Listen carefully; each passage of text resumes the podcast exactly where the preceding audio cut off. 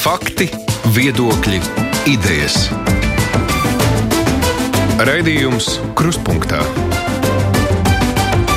ar izpratni par būtisko. Studijā Aits Tamsons. Kad man pagājušā nedēļā piezvanīja divi cilvēki par vienu un to pašu tēmu, es sajūtu balsī vilšanos. Tik daudz runāts, tik daudz ir darīts, lai parādītu, nu, iedrošinātu, nodemonstrētu. Un tad, kad ir vajadzīgs praktisks atbalsts, nu, tad izrādās citas lietas ir bijušas svarīgākas. Runa ir par nodibinājumu Hospice LV, kas mēģina Latvijā iedzīvināt daudziem nu, pasaulē labi zināmo hospice ideju. Izrādās Rīgas domē arī viņiem solīts, ka atbalstīs, nu, lai vismaz viens tāds pilotu projekts tiktu radīts Rīgā, bet budžeta grozījumos citas lietas ir izrādījušās svarīgākas. Mēs šodien raidījumā runāsim par hospiciem, kas tie tādi ir Kāpēc gan citiem par to sirds deg, un citiem tas nešķiet tik svarīgi? Runa būs par mūsu klausītājiem labi pazīstamo tematu - palietīvā aprūpe. Izmisuma zonā - palietīvā medicīna Latvijā. Pēta un risina raidījums Krustpunktā. Mums Krustpunktā pirmdienas lielās intervijas dienas, un šīs dienas studijas viesiņa ir nodibinājuma hospice CLV valdes locekla Inte Gerhārda. Labdien! Labdien! Izstāstiet sākumā vēlreiz, jau atgādiniet, kas tad ir hospici? Nu, uh, hospici ir uh, tādas mājas, māja vieta vai arī aprūp mājās, uh, kur uh, cilvēkam, kurš ir aizējošs, mirstošs, uh, tiek uh, mēs teiksim, visi hospisi, kur, kur ir pasaulē, Eiropā, tajos rūpējos par to, lai cilvēki aizietu eh, pēc iespējas ar mazāk ciešanām, lai viņiem būtu emocionāls atbalsts, lai būtu garīgs atbalsts, sociāls atbalsts. Nu, ir šis vārds holis, holistiska pieeja, jā, tā tad visaptveroša pieeja. Mēs nerunājam šeit tikai par uh, medicīnu, mēs saprotam, ka tās ir kopējas ciešanas un hospisā. Eh, tātad tas ir paliatīvās aprūpas kā pēdējais posms, varētu teikt, ja, tiek sniegts šis te visaptverošais atbalsts, gan uh, medicīna, kas ir varbūt tikai nedaudz šajā stadijā, bet lielākais darbs ir tieši fiziska aprūpe, emocionāls atbalsts, garīga aprūpe. Uh, teiksim, attiecību, vēl kaut kāda kārtošana cilvēkam, vai pēdējās vēlēšanās izpilde, vai, vai tādas lietas, kas. Hospis mēs varētu raksturot kā tādas mājas, mājai pietuvināta vide arī. Tā tiek arī uztverts. Kaut gan jāsaka, ka vispār šī attieksme par hospisu ir tāda neviennozīmīga. Dažādās valstīs ir atšķirīga pieeja. Mm. Ja? Un, un ir arī slimnīcās, kur atsevišķas palāts ir kā hospīs, ir uh, hospīs dienas centri, kur var aizvest šādu cilvēku, aprūpēt, nomazgāt, kur, kur ir tieši šāda, šādai, šādām vajadzībām pietuvināta vide. Uh, frizētava, piemēram, ja, un, un podologs, kur ir noteikti daudz problēmas cilvēkiem, vajadzības šīs te.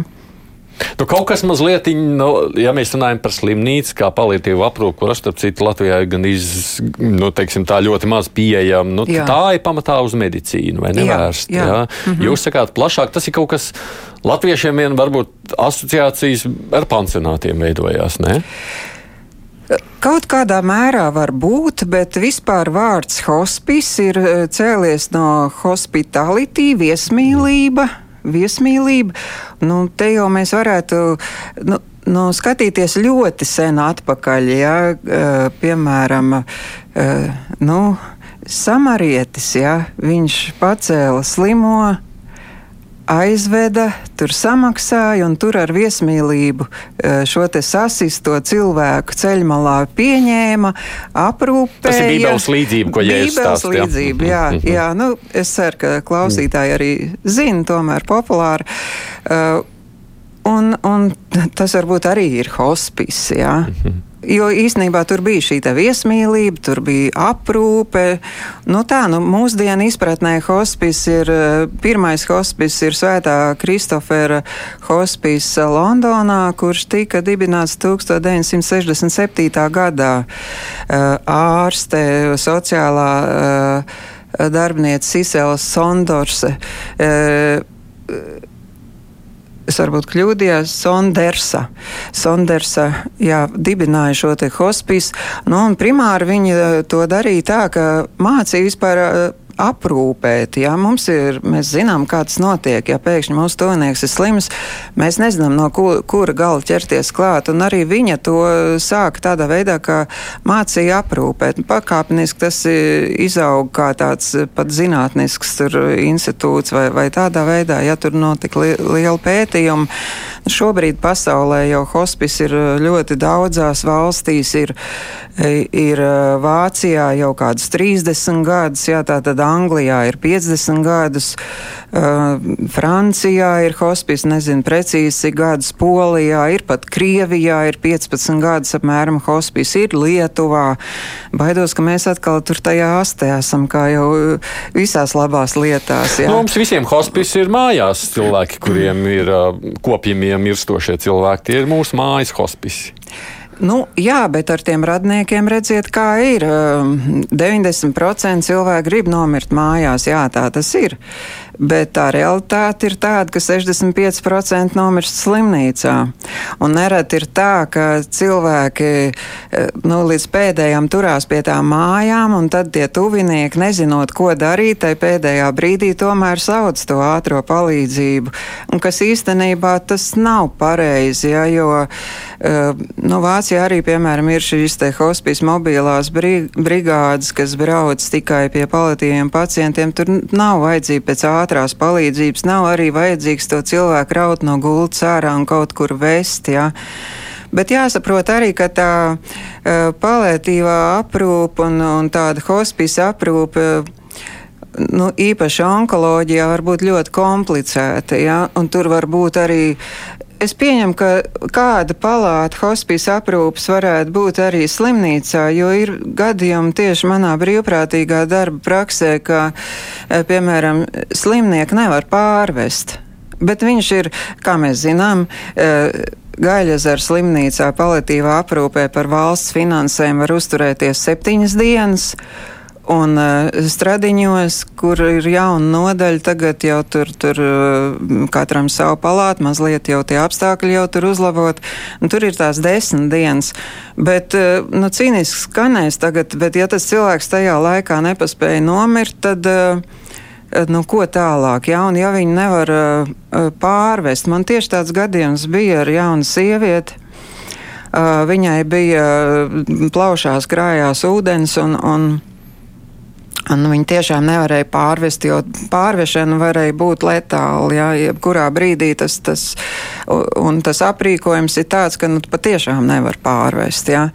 Un tad tā situācija bija tāda, ka nu, nu īstenībā traģiski, jā, tā, tā sieviete viņai nebija arī tāda. Viņai pašai ģimene nebija, nebija tāda tuvinieka iesaistītāja aprūpē. Uh, Un viņi man atstāja naudu, lai pēc viņas nāves es varētu norēķināties ar slimnīcu. Mm. Laikam izkrau, izklausās diezgan traģiski. Ja? Un tā arī bija. Tad, kad viņi nomira, tad es gāju uz kasu ar viņas atstāto naudu, samaksāju par tām dienām virs septiņām.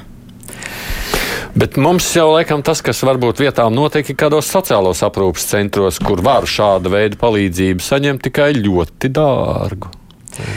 Ir uh, sijā cilvēks, uh, jā, ļoti dārgi. Tur uh, summas ir diezgan astronomisks, bet es pieņemu, ka tur ir laba aprūpe. Es nezinu, ja cilvēki, ja tur iet un izvēlās, acīm redzot, nav jau citur, kur iet.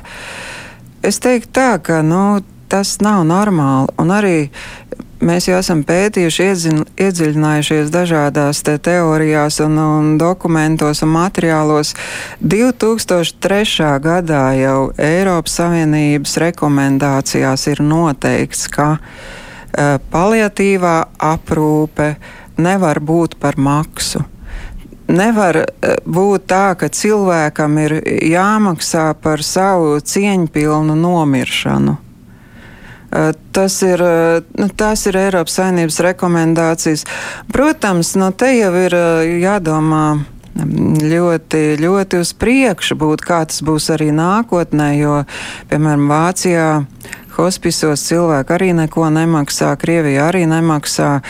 Uh, Anglijā arī nemaksā, bet tur maksās sociālā apdrošināšana. Mums šādas sistēmas nav. Ja? Cilvēki jau negatavojās tam uh, saprātīgi būtu mums jau dzīves laikā par to domāt, ja? gatavoties, kā tas viss būs, kā, uh, kā tas notiks, jo jāsaprot ir tas, ka nu, nekas nav tik drošs kā tas, ka mēs nomirsim. Ja? Un, un mēs to daž, dažreiz atliekam kā tādu tālu perspektīvu, bet varbūt tas nav prātīgi. Ja? E, memento more piemini nāvi, ja? tomēr savā dzīvē un, un, un domās tomēr jābūt tam atskaites punktam, kā es to eh, sagaidīšu. Tā, tā ir viena, tas jau tāds filozofisks jēdziens, bet tieši par to hospice aprūpu. Nu, ir tā, ka tā statistika jau ir, eh, mēs dzīvojam ilgi, mums ir laba medicīna, mēs dzīvojam ilgi, un ir apmēram uh, tikai 10% cilvēku, kas nomirst tā pēkšņi, jā, tajā skaitā, kas iet bojā autoavārijās vai vēl kaut kā traģiski. Jā. Tomēr nu, 90% būtu prātīgi domāt par paliatīvo aprūpi. Un savu dzīvi, e, savā dzīves laikā attiecībās ar saviem tuviniekiem, attiecībās ar valsti, nodokļiem un tā tālāk, un tā tālāk savu dzīvi kārtot tā, Lai es neesmu tur viens sapūst tajā gultā, un, un neviens pie manis nenāk, un nekas nenotiek. Jūs esat pēc izglītības ekonomisti. Tā es noskaidroju arī vēl pirms raidījuma sarunā ar jums. Nu, tas, ko jūs sakāt, šeit ir divas lietas par hospisiem un jūsu piedāvājumu pēc īsa brīža, bet jūs ieminējāties par to, ka tā jau būtu jābūt tādai valstiskai pieejai, jeb sistēmai, kas Protams. skatās uz to. Zinu, ka jūs tikāties arī ar labklājības ministru jauniecelto šajā nedēļas nogalē.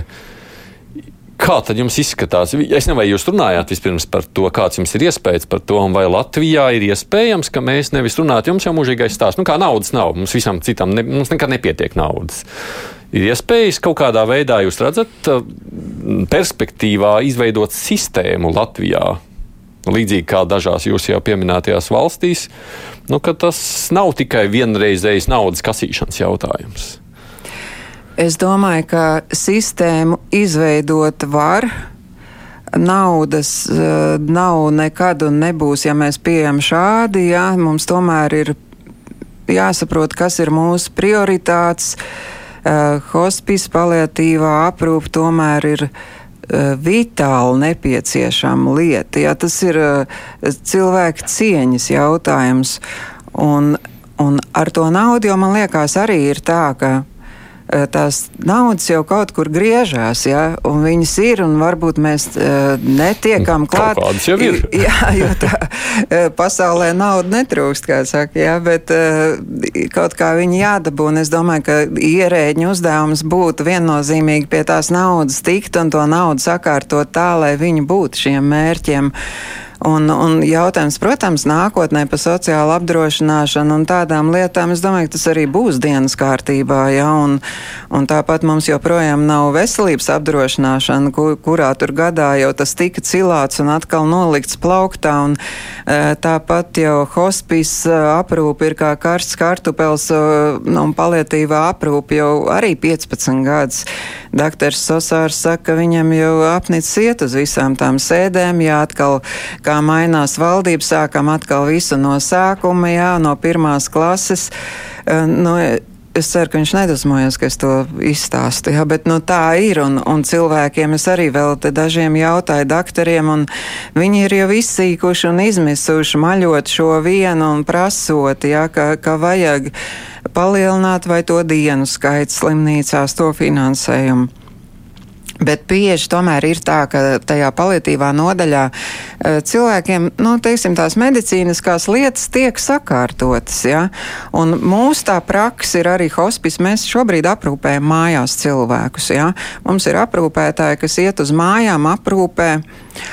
Un, un, un, un teiksim, tur īpaši tā medicīna nav klātesoša. Viņi ir ļoti mazi. Ja? Tur ir tikai aprūpētājs skatās, lai laikā tiktu iedzerts tabletes, ja? vai kādreiz tur kāda šprica ir vajadzīga, ko mēs zinām. Mēs paši sev visu tagad špricēm tur bez maz un laikam tā nedrīkst, bet, nu, bet nu, var izdarīt, piesaistīt kādas māsas palietīvā aprūpē, jo mums ir šis tas nodrošināts. Nav jau tā, ka nekā nav, ja no ģimenes ārstiem var nākt. Te gan jāsaka, arī diezgan jāmet tāda akmeni būtu tuvinieku lauciņā. Dažkārt mēs saskaramies ar to, ka ir ļoti ielaistas situācijas, ļoti bieži vecāki pamesti ļoti lielā netīrībā, bardakā, kā teikt. Jā. Un dažkārt, ne, protams, ir brīnišķīgs ģimenes, brīnišķīgi, kur viss viens par otru rūpējās. Un, Bet ir arī šādi gadījumi, un tad ir jautājums, nu, un, un, un jāsaka arī, ka tie ir tieši tie cilvēki, kas uh, visvairāk ir neapmierināti ar visu. Ja? Kāda tur tā aprūpa un kāda tur tā daktera un māsiņa vispār ārprāts kāda, ja šo te savu neizdarīto darbu mēģina to savu sirdsapziņu klusināt ar kaut kādām tādām lietām, pārmetot to visu uz, uz citiem. Ja? Nu, diemžēl tā ir, jā. Bet, nu, ko mēs saskatām arī, kas, kas neprasīt nemaz tik lielu naudu. Ja? Uh, arī sociālais darbs, nu mums Latvijā sociālais darbs, diemžēl, ir arī tādā ļoti bēdīgā situācijā. Pirmkārt, jau tās algas ir, nu, viņas nav pat ne tuvu idējām, ja. Tas ir ļoti bēdīgi, tā ir tā mūsu attieksme vispār pret sociālo darbu, pret tiem cilvēkiem, ko sociālajie darbinieki aprūpē, diemžēl, ja. Un, un arī slimnīcā jūs padomājat, jau uz visu lielo onkoloģijas centru ir pusslodzes sociālais darbinieks. Viņš nevar apiet tos cilvēkus un, un uzzināt, kādas viņiem problēmas, kādas vajadzības. Un te ir tas jautājums, nu, ko mēs gribam, jā, vai, vai vieglāk tomēr nebūtu aiziet, piemēram, paliatīvā aprūpē, ja būtu savs sociālais darbinieks. Vai nebūtu tā kā foršā, ka viņš aiziet pie katra, kas ienāk nodaļā, apvaicājās, izrunā situāciju, kā viņam ir mājās, ja, kā, vai viņš atgriezīsies mājās, viņu tur kāds sagaidīs, aprūpēs, vai viņš dzīvo viens, vai nu, šobrīd ārsti tur skatās, piesaist to sociālo darbinieku, ja viņi tur saskat kaut kādu krīzi, ja, tā, bet tas nav ārstu darbs, ja, ārstiem ir jāārstē, jāmeklē visādas variantus, kā noņemt sāpes un visādas citas problēmas, kas ir ļoti daudz, īpaši onkoloģijas pacientiem, ja tur 10, 11 blaknes ir ar ar ko jācīnās. Nu jā, bet sociālais darbs lielā mērā ir labklājības ministrijas lauciņš. Jā, ko tad jā. jūs sakāt par tikšanos ar Eglīšu kungu? Man ļoti patika Eglīša mm. attieksme. Eglīša kungs bija vienkārši brīnišķīgs, un viņš likās, ka saprot visu mūsu problēmu. Un, protams, nu, mēs jau ļoti ceram, ka kaut kas mainīsies. Ko jūs cerat? Mēs ceram, ka atradīsies kaut kāds varbūt finansējums vai, vai kaut kāds, nu, jā, droši vien finansējums. Pirmkārt, mēs ceram, ka Latvijā būs jauns pakalpojums, hospice aprūpe.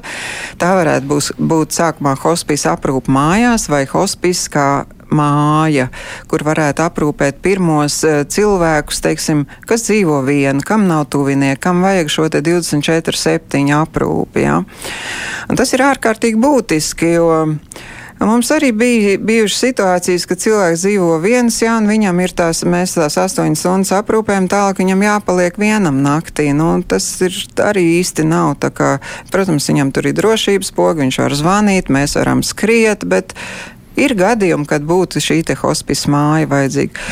Nu, Eglīškungs to pilnībā saprata pilnībā saprata. Vismaz mums tāds iespējas palika. Un labi, un tālāk, jo nu, viena tālāk, lieta ir aprunāties, un jā. tad viņš saka, es par jums varu aizmirst, vai jūs kaut kādā veidā turpināsiet. Mēs tiekamies šos, augustā. Atkal, jā.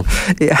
Nu, tad vismaz tik tālu sarunājuši. Tik tālu, nē, nu šis jau bija ārkārtīgi liels solis uz priekšu, ka mēs vispār tikām līdz ministram. Iepriekšējā ministra nebija gatava nu, runāt. Nu, tur mums tā neizveidojās Ak, tāda situācija, ka mūs kāds gaidīt jau, un šeit bija tā, ka durvis pavērās un bijām laipni gaidīt, stāstīt, runāt. rādīt. Veselu stundu stāstījām par savu pieredzi, par tām problēmām, ko redzam. Un, un tiešām sajūtām tādu atsaucību, un, un, un kā ministrs, ministrs teica, ka viņš centīšoties attaisnot mūsu cerības. Tas...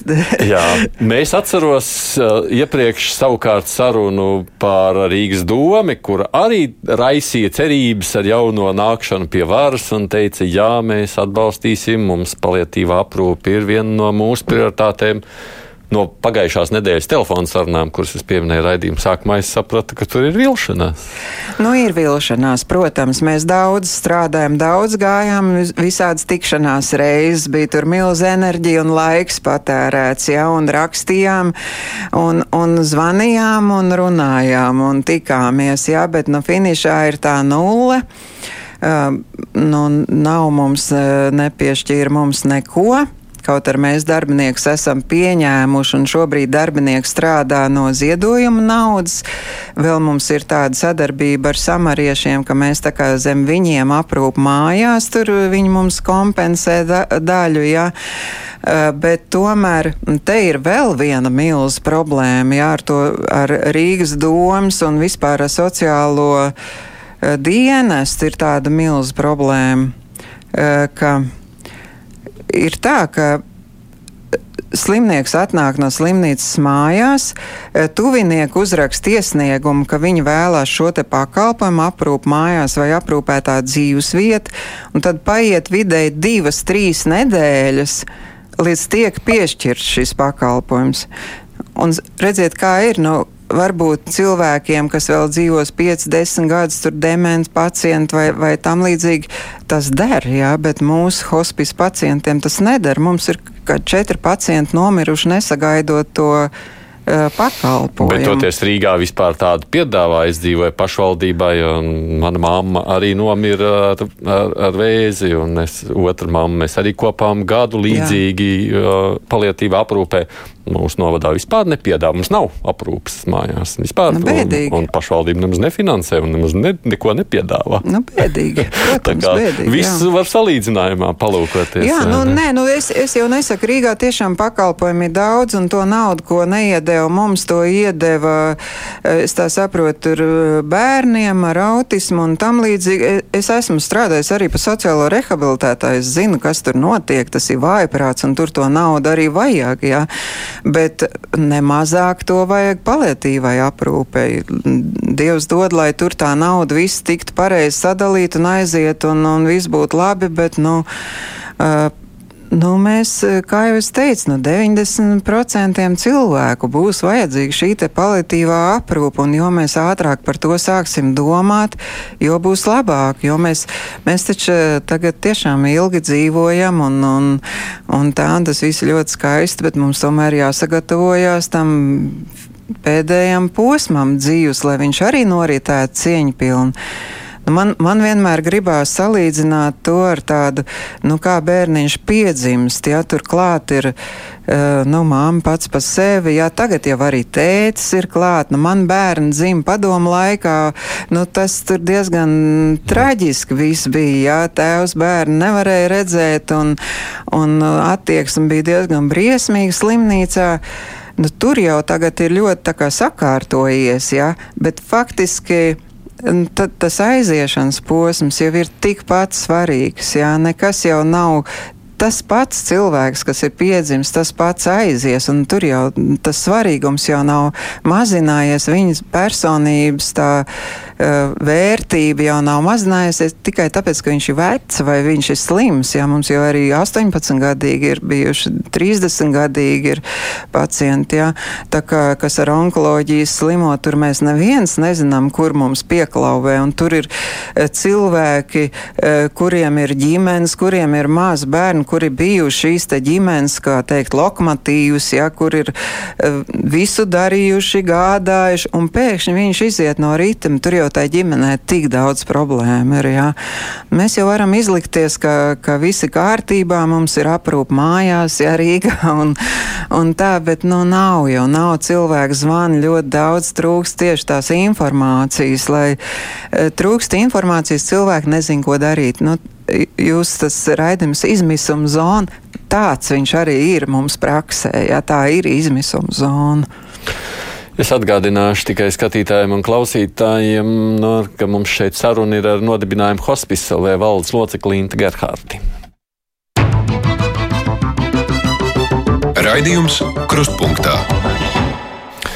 Es paskatīšos, ko ļaudis raksta, lai mēs varētu redzēt, um, nu, kādas ir cilvēku sajūtas. Atvainojot, vai jūsu pakalpojums tad ir bez maksas, un kur tas notiek, manā dzīvoklī, slimnīcā vai kur. Nu, runa ir acīm redzot, sākotnēji, kad mēs sākām runāt, nu, jūs teicāt, ka jūs arī sniedzat šos pakalpojumus. Jā, mēs pakalpojumu līdz šim sniedzam bez maksas. Uh, piesaistot uh, caur samariešiem paš, Rīgas pašvaldības finansējumu, ja, kas ir aprūpētās dzīves vietas finansējums daļēji. Bet uh, tā kā mm, teiksim, tās izmaksas ir stipri lielākas par šo te, tā tad uh, mēs sniedzam pakalpojumu par ziedojumiem. Bet mēs nezinām, cik ilgi mēs to varēsim šādi turpināt, jo mēs nesaņēmām šo te Rīgas domas labklājības departamentu solīto finansējumu. Un tas diezgan tagad ir jautājums, kā mēs spēsim līdzsvarot šo te finansiālo pusi tās izmaksas ir lielas, jā. Un mums ir United History ebreju biedrība uzdāvinājusi gultas, uzdāvinājuši skābekļa aparāts. Mēs paši pa savām naudām esam pirkuši, jā, tieši nu, ziedotāji arī un, un daudz cilvēku ir iesaistījušies un, un, un do, devuši savus līdzekļus, bet tas nevar uz to pastāvēt. Šāda aprūpa nevar pastāvēt uz ziedojumiem. Tā būtu īsa atbilde. Nu, lai būtu arī kāds skaudrāks viedoklis, Pēterkungs raksta šādi: Būšu cīnisks, bet man izklausās pēc palietīvās aprūpes biznesa interešu lobija. Tāpēc jau tika arī norakts eitanāzijas legalizēšanas jautājums, lai nodrošinātu klientus, jo citur nav kur likties. Sakot, nu, jums vajag peļņu, jums vajag naudu, jūs uztaisījāt darba vietu, tagad meklējat, un sakāt, nedod mums. Nu, jā. Jautājums loģisks, jā, nekas īpašs. Protams, jāsaka tā, ka mēs visi hospis valdes locekļi, visi hospis darbinieki strādājam kaut kur citur, jā. Un šis te mūsu šī te vēlme ieviest Latvijā hospisa aprūpi ir nākus caur brīvprātīgo darbu. Caur to, ka mēs esam slimnīcās redzējuši šīs te vajadzības neatrisinātās, kas ir, es četrus gadus kā brīvprātīgā darbojos arī onkoloģijas centrā paliatīvā nodaļā, tagad šī nodaļa biķernieku slimnīcā.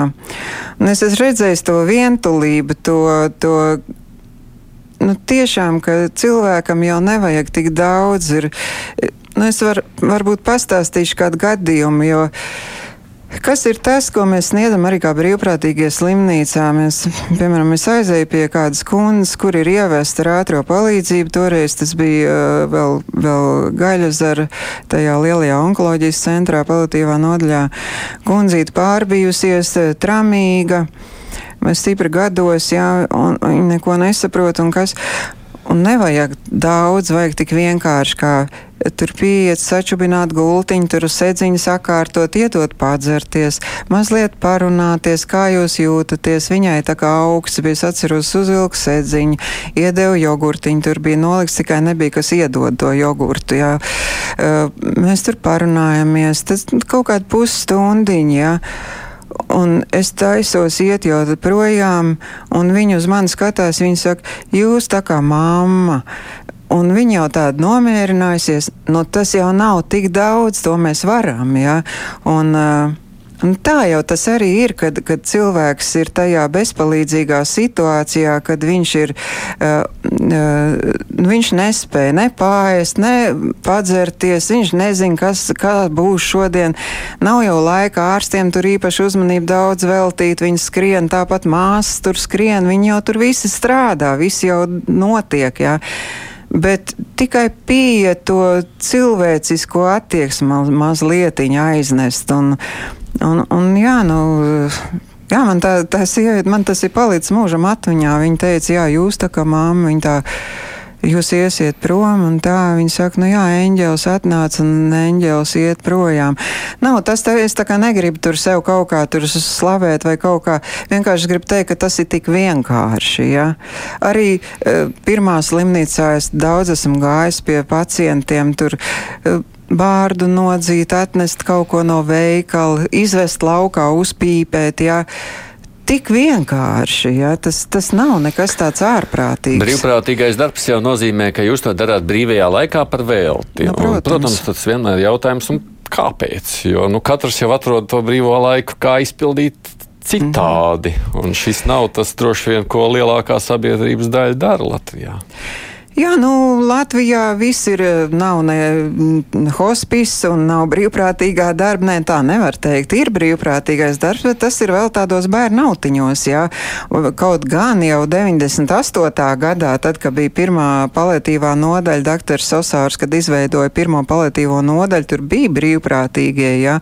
Un eh, mūsu cienījamā Olita eh, brīvprātīgā tur darbojās joprojām, jā. Un, Un uh, bija tur gan sociālās darbinieks uz, uz to nodaļu tikai, ja, un, un tur bija brīvprātīgie, kā desmit, manuprāt, un tur bija kapelāns Mārs Sans, bija pēc tam Vāris Bogdānaus, un, nu, bija, bija, varbūt tas ir arī kaut kur aizgājis, bišķiņ, nu, tā kā paklīdz. Pēc tam uh, četras gadus atpakaļ svētā ģimenes māja sāk brīvprātīgo darbu, caur kurien arī es sāku savu darbu. Nu, es, jau tagad, eh, kā teikt, nekaunos ne no kā, eju uz pilnu banku un stāstu, kā tas, kā man daudz prasa, kāpēc tu to iesāki vispār. Un es iesāku tāpēc, ka man tēvs slimoja ar onkoloģiju. Un es, uh, jā, mums, mums bija brīnišķīgi doktori. Viņi mums iedeva finišā atsevišķu palātu pēdējo nedēļu. Viņi nevarēja vest mājās, viņam vajadzēja tur būt slimnīcā. Tēvs, protams, gribēja mirt mājās, bet Viņa radīja mums to hospice iespēju slimnīcā. Es biju reālā hospicā slimnīcā, mums bija sava palāta.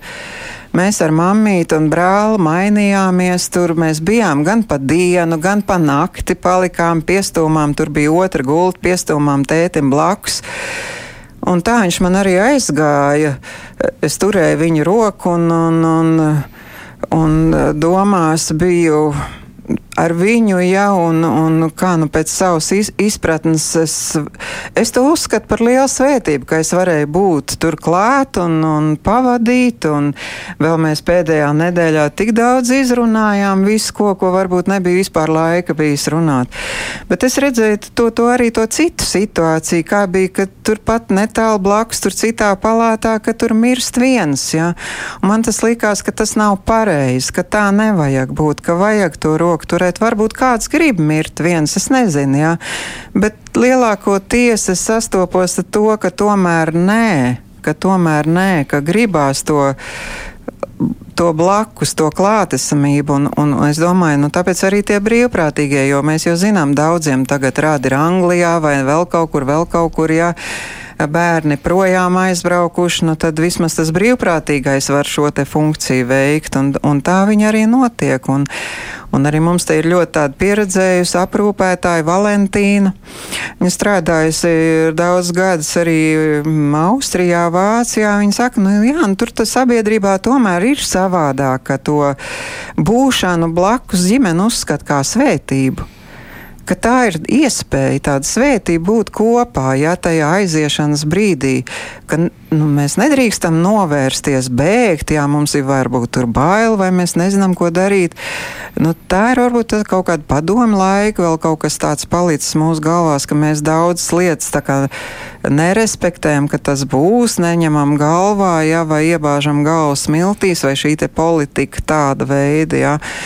Nu, te būtu vispār sabiedrībā par to jārunā, jādomā. Jā, hospis arī apmācījis ir 68 brīvprātīgos šobrīd. Jā, mēs aiz manis šodien arī ir cilvēki zvanīja un sūtīja īkšķīšus un dūrītes un sirsniņas. Kas tagad mūs klausās, jā? Jā, kas mūs klausās, visiem sveicien, jā, mīļš, paldies, ka jūs esat un iedrošinājāt man. Un, un, jā, un cilvēki sākuši par to vairāk domāt, un no kaut kā jau tam ir jāsākās. Jā, pamazām, pam, nekas jau nenotiek uzreiz. Nu, Madara raksta šāda mazinska. Paldies Intē par darbu. Tas ir neapturams mīlestības darbs. Paldies, kā esat sveicieni no Madaras, kur, Madu, Madaras kurmenē.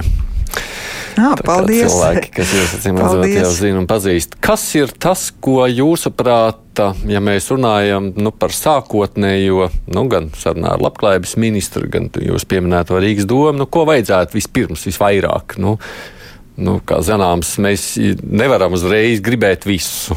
Kas ir tā jūsu? Pirmkārt, būtu tas, lai šis te aprūpas pakalpojums, ko šobrīd var saņemt cilvēki, nebūtu ar tādu distanci. Ja, piemēram, mēs, mēs jau zinot to, ka tik lēni notiek šī te izvērtēšana, plus vēl viņš šobrīd Covid laikā notiek pa telefonu, kam es vispār neredzu lielu jēgu mūsu te šiem te paliatīvas aprūpas pacientiem. Tur faktiski nekādas jēgas nav. To izvērtē slimnīcā, ja, ja slimnīcas daktars ir pateicis, ka viņš viņš ir paliatīvs pacients, viņam pienākās hospīsa aprūps, tur nav vajadzīga nekāda papildus vērtēšanas, dokumentu kārtošanas. Cilvēkam jau, e, kad viņš nāks mājās no slimnīcas, būtu jābūt gultai, skābekļa aparātam, visam sagatavotam, ka viņi ved, ieliek jau funkcionālā gultā un viss ir gatavs, nevis ar kaut kādu tur nedēļu nobīdi. Mēs to izdarām uz savu rēķinu šobrīd. Ja? Bet uh, tas ir pirmais. Otrs būtu jau tiešām nu, šī, šis te hospis aprūpas pakalpojums. Viņš ļoti atšķirās no pakalpojuma aprūpētā dzīvesiet. Mēs ļoti strīdējamies ar Rīgas domas labklājības departamentu. Viņi uzskata, ka viss jau ir, ka ir aprūpētā dzīvesvieta, tur uzliek kameru kaut kur stūrītī, ja, ka ir ok. Sākumā vismaz bija tāda, tāda nostāja, vēlāk jau tas tā kā mainījās, bet faktiski tā ir, tas ir pilnīgi atšķirīgas lietas. Jā, tu, tas var būt tā kamera, var būt tur dementam pacientam, kurš tur šiverē, bet viņi tur ir jāuzmana, jā, vai viņš tur kaut kādas muļķības nesadara vai kaut kā tā. Mums ir jābūt blakus, mums ir jābūt, pa, jāpadod dzert, nevis jāskatās kamerā, kad viņš tur neko nevar redzēt, jā, ko viņam vajadzēs. Un ir šis te pakalpojums, nu tas gan ir arī labklājības ministrijas lauciņš, ja radīt jaunu pakalpojumu hospisa aprūpu. Nu vienkārši no kaut kā ir jāsāk. Un trešais, kas būtu hospis, pirmais hospis par valsts naudu, nevis, nevis uh, par 3000 kaut kur, ja, kurš kurš reti kurš var atļauties. Ja. Kaut gan otrs puses, jā, ir jādomā, jākrāj naudu savam arī. Nu, mums vienkārši baida tas droši vien finansiālais, jeb darba apjoms, un tāpēc mēs ieraugām to milzīgo, nu, nezinu, nu, nu, mums no, nobīstamies un sakām, labāk nesākam nemaz. Nu jā, nu to jau mēs redzam. Mums saka, labklājības ministrijā tur bija līdz šim bija tā, ka nu, tas ir tā kā veselības ministrijas jautājums. Veselības ministrijā saka, tas ir tā kā labklājības ministrijas jautājums, un tad vēl ir Rīgas doma, un tā mēs pa to trīs stūri tur lēkājam, jā, kamēr jau paši gandrīz jūtamies arī izdeguši, un naudas jau cik tur aiziet, jā, un, Un, un, un arī tas, mēs jau vēl visādas citas lietas darām, arī nu, mēģinām to prieku radīt. Pirmā slimnīcā pagājušā nedēļā bija mums koncerts ar Žoržu Siksnu, ja tur no hronisko slimnieku izlaicīgās aprūpas nodaļas, tur Rīta Riņģa, tur veda ar saviem darbiniekiem visus slimniekus, ko var novest lejā. Tur 140 slimnieki ir, ja, kur, kur ir daļa ir arī palietīva, protams un, un e, Siksna dziedāja, un e, mēs tur cienājām ar restorānu tādām uzkodām. Vispār bija super. Visi brīvprātīgie bija laimīgi, un pacienti laimīgi, un mediķi laimīgi. Ja, un, un, un, un pat, pat dējas bija. Ja. pat, pat, jā. Satanēs, jā. Jā, jā. Tā kā, nu, jā, rīkojam arī, nu, droši vien vairāk zinām ir šī te medi, mediķu cienāšana. Mēs te, tur, tur ir ļoti daudz līdzekļu tik savākt. Šobrīd mums ir akcija. Uh, attēlps brīdis. Mēs vedam mediķus atpūsties uz, uz viesnamiem, uz pirtiņām, lai, lai nu, tieši Covid, COVID, kas nodarbojās ar Covidniekiem, ja, un, un ārstēšanu un tā. Nu, nu ne tikai arī palietīvos. Nu, un šī visa attieksme, jūsu to entuziasmu, jo, kā zināms, bieži jau ir tā, nu, entuziasms dzīvot var kādus gadus pāris. Viss jau kādreiz izdeg un beidzas. Protams. Un kā Protams. tad ir tagad? Jūs esat pie tās beigu gala, nesat jau nonākuši pie tā, redzot, cik tas grūti iet. Mēs Atvainojos, mēs Skatīnā. individuāli pie tā nonākam ik pa laikam, bet mēs esam vairāks. Un, un mums vēl nav sakritis tā, ka mēs visas reizē. Izdeg, jā. jā, tad, tad, ka vienai tas zemais punkts, tad atkal viena otra atkal kaut kā stiprina un iedrošina. Un, un aiz mums taču ir brīvprātīgie. Mēs arī viņus nevaram pievilt, jā, mēs esam kopā, mēs esam daudz, jā.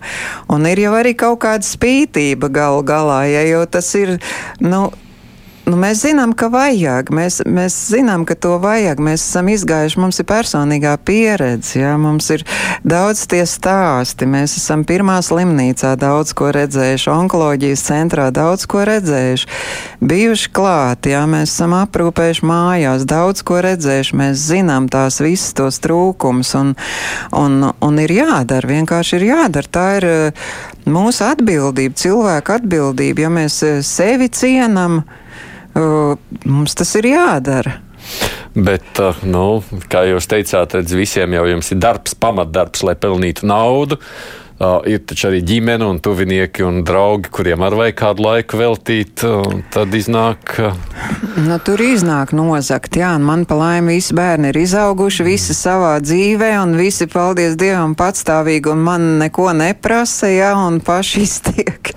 un, protams, ka mēs tiekamies, un viss notiek, un man vēl ir 90 gadīga mammīte, un man ir krustmāte, un, un man ir tur jāparūpējās, un mammīte dzīvo viena liepā jā, jā, mēs sazvanamies eh, katru dienu, ja, ja ne vienreiz, tad vairākas reizes visādi, jā, nu, tā kā vakar eh, man dēls eh, pirka kondicionieru un draugs veda, ja liepājā, lai nesakarst, protams, tās rūpes jau paliek pa saviem, protams, nu, mēs nedrīkstam tā pamest savus un tagad skriesim tikai riņķī, glābsim pasauli, tā jau nē. Jūs psiholoģiski pašai nav grūti reizēm sadzīvot ar visām šīm lietām. Ir, nu, jau, ir protams, tāpat ir sērs, kad aiziet cilvēki, ir, ja esam sadraudzējušies. Ļoti grūti ir, kad aiziet manā klātbūtnē nomira 18-gadīga meitene. Ļoti grūti tas ir. Tas ir, tas ir uz vairākām nedēļām, tas izsis no līdzsvara. Nu, mums ir, eh, mēs savā starpā runājam, tāpat mēs ar Olītu runājam, mēs eh, ar brīvprātīgo, kam ir liela pieredze, mums ir eh, supervizori, mēs, mēs runājam, izrunājam, jā, un jā, nu, nenoliekšu, jā, ir grūti, viegli jau nav tas viss. Nu, lai arī Atkal kāda vēstulīte Ilona raksta paldies par nenovērtējamo darbu. Radinieki novēršas, jo paši jau ir apjukuši un nezina, ko un kā darīt. Vai ir tāds pakalpojums jums prasīt padomu, atbalstu ikdienā radiniekiem, kam ir šāds mirstošs cilvēks? Nu, proti, palīdzēt tiem, kas paši jau tā kā rūpējas par saviem tuviniekiem, bet bieži arī apjukuši. Nezinu, jā, mēs darīt, to jā. arī darām, jā, un man nenoliedzam, man ļoti daudz cilvēku zvana, jautā dažādas eh, jautājumas par sociālo, teiksim, kaut kādu palīdzību.